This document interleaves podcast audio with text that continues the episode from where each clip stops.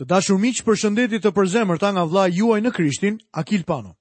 Ju uroj mirëseardhjen në emisionin e sotëm, emision në të cilin vazhdojmë studimet tona nga Fjala e Perëndisë në librin e dytë të Mbretërve. Sot do të ndalemi në kapitullin e 6 të këtij libri dhe do të shohim ushtarët sirianë të cilët verbohen. Mbreti i Sirisë, studiuam në emisionin e kaluar, Dërgoi ushtrinë për të rrethuar Elizeun bashkë me shërbëtorin e tij në mënyrë që ta vriste atë. Lexojmë në vargun e 18 të kapitullit të 6 nga libri i dytë i mbretërve. Ndërsa sirët po zbrisnin në drejtim të Elizeut, ky iu lut Zotit dhe i tha, të lutem goditi këta njerëz me verbëri, dhe ai i verboi sipas fjalës së Elizeut. Elizeu bëri diçka vërtet të pazakontë. Ai i kërkoi Perëndisë që të godiste ushtrinë siriane me verbëri dhe Zoti e lejoi. Pastaj Elizeu i drejtoi për në Samari dhe u tha se po i çonte atje ku ishte Elizeu. Kur arritën në Samari, ai i çoi tek mbreti i Samarisë. Mbreti donte t'i vriste, por Elizeu i tha, mos e bëj këtë, ushqeji dhe dërgoji në shtëpi. Lexojmë poshtë nga vargu i 23. Atëherë ai përgatiti për ta një banket të madh. Pasi hëngrën dhe pinë, u nda me ta dhe ata u kthyen përsëri tek Zoti i tyre. Kështu bandat e sirëve nuk erdhën më të bëjnë sulme në territorin e Izraelit. Fuqia dhe mëshira e Zotit të Izraelit të përfaqësuara nga Elizeu duhet ta kenë shkundur mirë mbretin e sirëve. Ai e braktisi luftën kundër Izraelit. Megjithatë më vonë, Ben-Hadadi e rrethoi përsëri Samarinë, siç do ta shohim në episodin në vazhdim. Lexojmë në vargun 24 dhe 25. Mbas këtyre ngjarjeve ndodhi që Ben-Hadadi, mbreti i Sirisë, mblodhi tërë ushtrinë e tij dhe u nis kundër Samarisë për ta rrethuar. Në Samari ra një zi e madhe, Rrethimi i sirëve qe aq i fortë sa një kokë gomari, shitej tetëdhjetë sikla argjendi dhe një çerek kabi glasash pëllumbi, pesë sikla argjendi. Zia e bukës ishte aq e egër saqë një kokë gomari merreni me mend se sa pak mish mund të kishte koka e gomarit, shitej me një çmim qesharak. Vargjet në vazhdim tregojnë faktin e tmerrshëm që ata po hanin edhe fëmijët e tyre për shkak të mungesës së dëshpërueshme të ushqimit. Lexojmë nga vargu i 31. Atëherë mbreti tha: Perëndia të më bëjë këtë edhe më keq. Në qoftë se sot koka e Elizeut, birit të Shafatit, ka për të mbetur akoma mbi supet e tij. Nuk e dimë pse e konsideronte mbreti Elizeun përgjegjës për këtë kohë të vështirë. Ndoshta mendoi se ishte në fuqinë e Elizeut të siguronte ushqimin në një mënyrë të mrekullueshme dhe ai donte ta vriste për shkak se Elizeu nuk e kishte bërë këtë gjë. Ngjarja vazhdon pa shkëputje në kapitullin tjetër. Kjo është një ndodhi tjetër drithëruese në jetën e Elizeut. Premtimi i Elizeut për bollëk do të përmbushet. Kapitulli 7 vazhdon tregimin e kapitullit të 6. Duke quajtur Elizeun përgjegjës për krizën, mbreti i Izraelit dërgon një ekzekutor për ta vrarë. Megjithatë, Zoti e paralajmëron Elizeun dhe i jep lajmin e mirë që zia e bukës do të mbaronte të nesërmen. Lexojmë në vargun e parë të kapitullit të 7. Atëherë Elizeu tha, dëgjoni fjalën e Zotit. Kështu thotë Zoti, Nesër në këtë orë në portën e Samarisë, një masë maje mielli do të kushtojë një sikël dhe dy masa elbi do të kushtojë gjithashtu një sikël. Një masë maje mielli do të thoshte rreth një sikël. Një sikël do të ishin pak a shumë 65 cent. Kjo do të thoshte se inflacioni do të ulej. Ata do të kishin një goxha ulje të çmimit të miellit. Si mund të ndodhte kjo? Si mund të futej ushqim brenda qytetit kur ushtria e Sirisë kishte fushuar jashtë mureve duke mos lejuar që të hynte apo të dilte njeri? Me sa duket, mbreti i besoi profecisë së guximshme të Elizeut, sepse ia kurseu jetën në atë kohë. Megjithatë, kapiteni i mbretit u tall me këtë gjë. Lexojmë vargun e dytë. Por kapiteni në krahun e të cilit mbështetej mbreti, iu përgjigj njeriut të Perëndisë. Ja, edhe sikur Zoti të bënte dritare në qiell, A do të ndodhte vallë një gjë e tillë? Elizeu u përgjigj, Mirë pra ke për ta parë me sytë e tu, por nuk do t'i hash. Fjala e Elizeut u përmbush të nesërmen. Tani vëmendja zhvendoset tek një grup njerëzish të pashpresë jashtë portave të qytetit. Lexojmë nga vargu i tretë deri në vargun e pestë. Kishte katër lebrosë në hyrje të portës, të cilët i thanë njëri-tjetrit, pse po rrimë ulur duke pritur vdekjen. Në rast se themi le të hyjmë në qytet, atje sundon uria dhe aty kemi për të vdekur. Në rast se mbetemi këtu, do të vdesim njëlloj.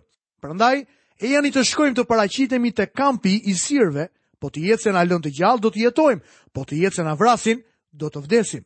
Në muzg u ngritën për të vajtur në kampin e sirëve, kur arritën në skajin e kampit të sirëve, atje nuk kishte njeri. Për shkak se ishin lebrozë, ata ishin të përjashtuar nga shoqëria dhe vareshin tek të afërmit e tyre për t'u sjellë ushqim. Tani që të gjithë brenda qytetit po vdisnin urie, nuk ngelej gjë për ta. Ashtu siç e kemi thënë, lebra është një lloj mëkati. Zbatimi këtu për ne është se kur ne erdhëm te Krishti, ishim thuajse në një gjendje të pashpresë. Ishim si lebrosët, duke pritur vdekjen pa shpresë dhe pa perëndi në botë. Lebrosët kuptuan se nuk kishin më ç'të humnin dhe vendosën që ta linin veten në mëshirën e armikut. Kur arritën në kampin e sirianëve, e gjetën atë të braktisur. Çfarë i kishte ndodhur ushtrisë së madhe, prej ndoshta 100.000 apo më shumë vetëve? Lexojmë nga vargjet 6 dhe 7. Perëndia në të vërtetë kishte bërë që ushtria e sirëve të dëgjonte një zhurmë qerresh dhe kuajsh, zhurmën e një ushtrie të madhe, dhe ata i kishin thënë njëri-tjetrit: Ja mbreti i Izraelit ka rekrutuar kundër nesh mbretin e Hitejve dhe mbretin e Egjiptasve për të na sulmuar. Prandaj ata në muzg ishin ngritur dhe kishin ikur duke braktisur çadrat, kuajt dhe gomarët e tyre, tërë kampin siç ishte. Kishin ikur kështu për të shpëtuar kokën. Zhurma e një ushtrie që po afrohej i kishte futur këta njerëz në panik. Sirianët nuk u larguan në mënyrë të disiplinuar, ikën secili për hesap të vet. Ata po udhëtonin natën dhe po udhëtonin shpejt. Lexojmë vargun e 8. Kur arritën në skajin tjetër të kampit, këta lebrozë hynë në një çadër ku hëngrën dhe pinë. Morën me vete argjend, ar dhe rroba dhe shkuan t'i fshehin. Pastaj u kthyen dhe hynë në një çadër tjetër dhe andej morën shumë gjëra dhe shkuan t'i fshehin. Në atë kohë ushtria kishte marrë me vete gjithë ushqimin që mund të kishin nevojë. Kjo ishte një fushatë e gjatë. Ata po rrethonin Samarinë, qytetin që ndodhej në kodër. Në përpjekjen e tyre për t'u larguar sa më shpejt, kishin lënë aty gjithçka që kishin. Mirëpo pasi ushtria siriane ishte larguar, lebrozët shkuan në kamp dhe hëngrën sa mundën. Pastaj gjetën dhe fshehën aq shumë ar saqë nuk do të mund ta përdornin dot të gjithin në jetën e tyre. Lexojmë nga vargu i 9. Pastaj thanë midis tyre, nuk veprojmë mirë kështu. Kjo është ditë sihariqi, por ne nuk hapim as gojën. Në rast se presim deri në mëngjes, mund të pësojmë ndonjë ndëshkim, prandaj tani të nxitojmë dhe të shkojmë të njoftojmë shtëpinë e mbretit. Tani ata filluan të vinin në vete. Ne po ngopemi për vete. Ndërkohë që populli në qytet po vdes urie, ne duhet të shkojmë dhe t'u japim atyre lajmin e mirë. Këtu gjejmë një mësim të madh shpirtëror për ne. Në këtë moment unë dhe ti po shijojmë fjalën e Zotit. Sot është koha për lajme të mira, ndërsa rrimë ulur dhe vetëm shijojmë për veten tonë. A nuk duhet ta çojmë fjalën e Zotit tek të tjerët? Çfarë po bëni ju për ta ndarë fjalën e Perëndisë me ata që po vdesin shpirtërisht? Ju duhet ta përhapni fjalën e Zotit tek zemrat që kanë nevojë për të. Një person një herë më tha: "Unë nuk mund të flas, nuk mund të predikoj, nuk mund të këndoj, nuk mund të bëj shumë gjëra, por mund të bëj para." Besomëni. Zoti i ka dhënë atij njeriu talentin për të bërë para. Çdo gjë që prek me dorë kthehet në flori.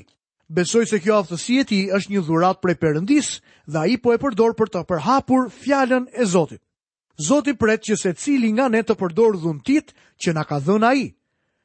Ne nuk duhet të shohim rehatinë tonë në këtë kohë të vështirë. Pasi lebrozët i dhanë mbretit lajmin e mirë, bijtë e Izraelit shkuan në kampin e braktisur të sirianëve dhe gjetën ushqim të mjaftueshëm për të ushqyer një ushtri me mijëra vetësh. Atje kishte ushqim me bollëk. Supermarketet e Samarisë kishin shitje të madhe. Çmimi i ushqimeve ishte me të vërtetë i lirë. Atyre nuk u duhej të blinin më koka kafshësh për ushqim. Në vend të kësaj, mund të blinin fileto mishi.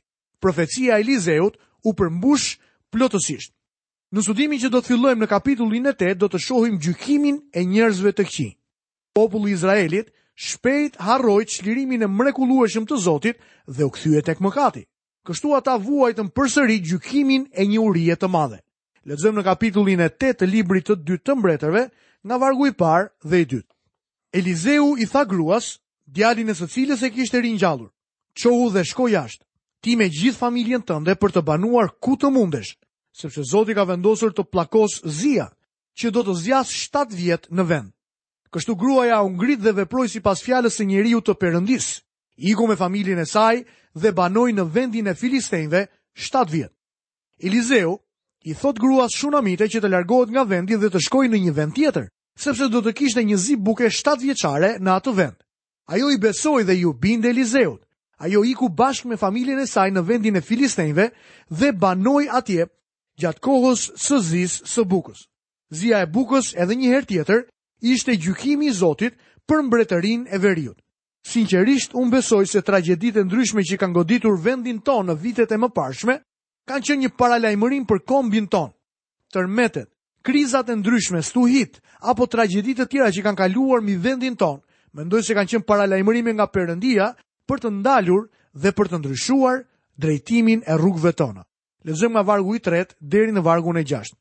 Si kaluan 7 vjet, gruaja u kthye nga vendi i filistenjve dhe shkoi tek mbreti për t'i kërkuar shtëpinë dhe tokat e veta. Mbreti ishte duke folur me Gehazin, shërbëtorin e njeriut të Perëndisë dhe i thoshte: "Tregomë të lutem tërë veprat e mëdha që ka bërë Elizeu. Pikërisht, ndërsa ai i tregonte mbretit se si Elizeu e kishte ringjallur të vdekurin, ja ku u paraqit gruaja, së cilës ai i kishte ringjallur të birin, për t'i kërkuar mbretit shtëpinë dhe tokat e veta. Atëherë Gehazi tha, O mbret, o im zot, kjo është gruaja dhe ky është biri që ka ringjallur Elizeu. Mbreti e pyeti gruan dhe ajo i tregoi ngjarjen. Atëherë mbreti ngarkoi një funksionar të cilit i tha, Ktheja tërë atë që i përkasin dhe të gjitha të ardhurat e tokave nga dita e largimit të saj nga vendi deri tani. Kur zia e bukës kishte mbaruar dhe shunamitja u kthye në shtëpinë e saj të mëparshme, me sa duket gjeti njerëz të tjerë që po jetonin në tokën e saj. Në të njëjtën kohë në largpamësinë e Zotit, mbreti po interesohej për veprat e mëdha të profetit Elize dhe Gehazi po i tregonte për ringjalljen e djalit të gruas shunamite. Mbreti urdhëroi që asaj t'i riktheheshin të gjitha pronat, si edhe të gjitha të ardhurat e tokave që nga dita e largimit të saj. Këtu gjejmë një tjetër ngjarje të shënuar në jetën e Elizeut.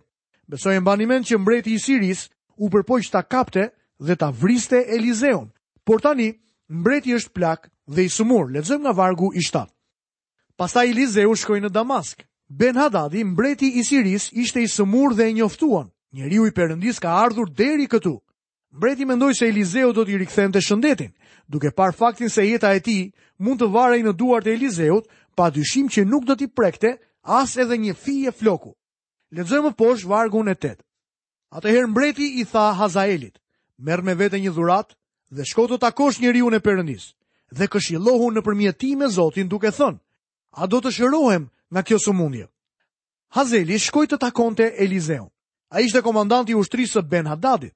Ka një referencë për të tek libri i parë i Mbretërve, e cila thotë, Zoti i tha, shko merr përsëri rrugën e kthimit deri në shkretëtirën e Damaskut, kur të arrish aty, Do ta vajosësh Hazaelin, mbret të Sirisë.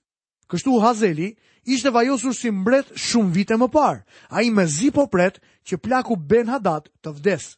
Ju mund ta kuptoni fare mirë që do të ishte shumë e vështirë për zëvendësuesin e mbretit, edhe nëse do të ishte i biri, një gjeneral apo dikush tjetër, që të derdhte shumë lot në funeralin e tij, sepse ky funeral do të sillte në pushtet zëvendësin e tij. Kështu Hazaeli shkoi të takonte Elizeun, por nuk mendoj se ishte shumë entuziast. Ai mori me vete një dhuratë mbresëlënëse për Elizeun nga ana e mbretit. Lexojmë nga vargu i 9 dhe i 10. Kështu Hazaeli shkoi të takohet me Elizeun duke sjellë si dhuratë gjërat më të mira të Damaskut, një ngarkesë prej 40 devesh. Pastaj ai vajti, u paraqit tek ai dhe i tha: Biri yt Benhadadi, mbreti i Sirisë, më ka dërguar tek ti për të të pyetur, a do të shërohem nga kjo sëmundje? Elizeu iu përgjigj, Shko t'i thuash, do të shërohesh me siguri, por Zoti më bën të shoh se ai ka për të vdekur me siguri. Vini re mesazhin që i dha Elizeu. Me siguri që do të jetosh, por nuk do të jetosh. Kjo duket si e folur me dy kuptime. Imagjinoni Hazaelin kur dëgjon se mbreti do të vdiste. Një buzëqeshje duket në fytyrën e tij, sepse shpejt ai do të bëhet mbret. Lexojmë vargun e 11. Pastaj ai e ngurtësoi fytyrën me një shikim të ngulët derisa u skuq, pastaj njeriu i Perëndisë filloi të qajë. Sytë e mërzitur të Elizeut u drejtuan nga ai, derisa Hazaeli u ndje në siklet. Pastaj Elizeu filloi të qajë. Lexojmë vargun e 12. Atëherë Hazaeli pyeti, "Pse po qan zoti im?" Ai u përgjigj, Sepse e di të keqen që do t'u bësh bijve të Izraelit, do t'u vësh flakën fortesave të tyre, dhe do të vrasësh me shpatë të rinjtë e tyre, do t'i bësh copë-copë fëmijët e tyre dhe do t'u çash barkun grave me barrë. Hazaeli u habit, pse po qan zoti im, përse po qan për këtë njeri që kërkonte jetën tënde, Elizeu në fakt nuk po qante për mbretin, i cili ishte plak dhe po vdiste. Ai e donte popullin e tij, e donte Zotin e tij, e donte shumë shërbesën që i kishte dhënë Zoti.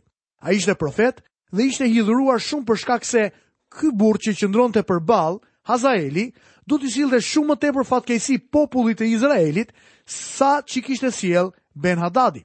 Ndonëse Elizeu e kishte vajosur Hazaelin mbret dhe Hazaeli i kishte deklaruar se nuk do të bënte keq, Elizeu, shërbëtori i Perëndisë, e dinte më mirë. Lexojmë vargun e 13. Hazaeli tha: "Por ç'është vallë shërbëtori yt, një qen që të bëjë këtë hata?" Elizeu u përgjigj: "Zoti më bën të shoh që ti do të bëhesh mbret i Sirisë." Nuk e di nëse ishte qen apo jo, por e vërteta është që ai e bëri atë që kishte thënë Elizeu. Lexojmë më poshtë vargjet 14 dhe 15. Pastaj Hazaeli u largua nga Elizeu dhe u kthye tek zotëria e tij që e pyeti, "Çfarë të tha Elizeu?" Ai u përgjigj, "Më tha që do të shërohesh me siguri."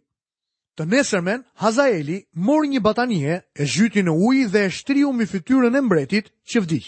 Kështu Hazaeli mbretëroi në vend të tij. Kjo ishte ajo që parashikoi Elizeu. Në thelb ai kishte thënë, pa dyshim që mbreti do të gëzohet kur të dëgjojë se do të shërohet dhe kjo është ajo çfarë do t'i thuash, por ti nuk ke për ta lënë atë që të shërohet. Pjesa e mbetur e kapitullit do të jetë më e kuptueshme nëse ndiqni me kujdes tabelën kronologjike të mbretërve për të cilën do të flasim më vonë. Lexojmë nga vargu i 16 deri në vargun e 18. Vitin e 5 të Joramit, birit të Ashabit, mbret i Izraelit, Jehorami, biri i Jozafatit, mbret i Judës, filloi të mbretërojë mbi Judën. Ai ishte 32 vjeç kur filloi të mbretërojë dhe mbretëroi 8 vjet në Jeruzalem. Ndoqi rrugën e mbretërve të Izraelit, ashtu siç kishte bërë shtëpia e Ashabit, sepse gruaja e tij ishte një bijë e Ashabit dhe bëri atë që është e keqe në sytë e Zotit. Tani mund ta kuptoni pse nuk i lejon Zoti martesat e përziera. Edhe pse Jorami ishte biri i mbretit Jozafat, një njeri që kishte frikë nga Perëndia, ai u martua me bijën e Ashabit dhe Jezebelës dhe në ndikimin e saj negativ ndoqi rrugën e mbretërve të Izraelit. Tani ne fillojmë të shohim se Izraeli është duke shkuar poshtë. Nuk është më një komb i madh. Edomi dhe Libnau u ngritën kundër atyre. Pastaj Jehorami vdiq dhe Ashaziau u bë mbreti i ri i Judës. Ai bashkoi forcat me Joramin, mbretin e Izraelit, për të luftuar kundër sirianëve. Jorami u plagos dhe u kthye tek Jezreeli për t'u shëruar nga plagët që mori nga duart e sirianëve. Lexojmë në vargun e 29 të kapitullit të 8. Atëherë mbreti Joram u kthye në Jezreel për të mjekuar plagët që kishte marrë nga sirët në Rama, kur luftonte kundër Hazaelit, mbretit të Sirisë, dhe Ashaziahu, biri i Jerohamit, mbret i Judës, zbriti në Jezreel për të parë Joramin, birin e Ashabit, sepse ky ishte i sëmurë. Në kapitullin vijues do të shohim se çfarë i ndodh atij. ndërsa ishte në Jezreel duke u shëruar nga plagët e tij. Të dashur miq, këtu kemi mbërritur në fundin e emisionit të sotëm. Falënderoj Perëndinë që keni qëndruar së bashku me mua në studimin e fjalës së Zotit. Lutem që Perëndia me të vërtetë t'ju bekojë dhe të derdhë mbi ju paqen e tij, paqen që tejkalon kufijtë e mendimeve tona njerëzore. Krishti u lartësoftë në jetën tuaj dhe Perëndia derdhtë mbi ju bekimet e tij. Nga vëllai juaj në Krishtin Akil Pano, bashkë mirudëgjofshim në emisionin e ardhshëm.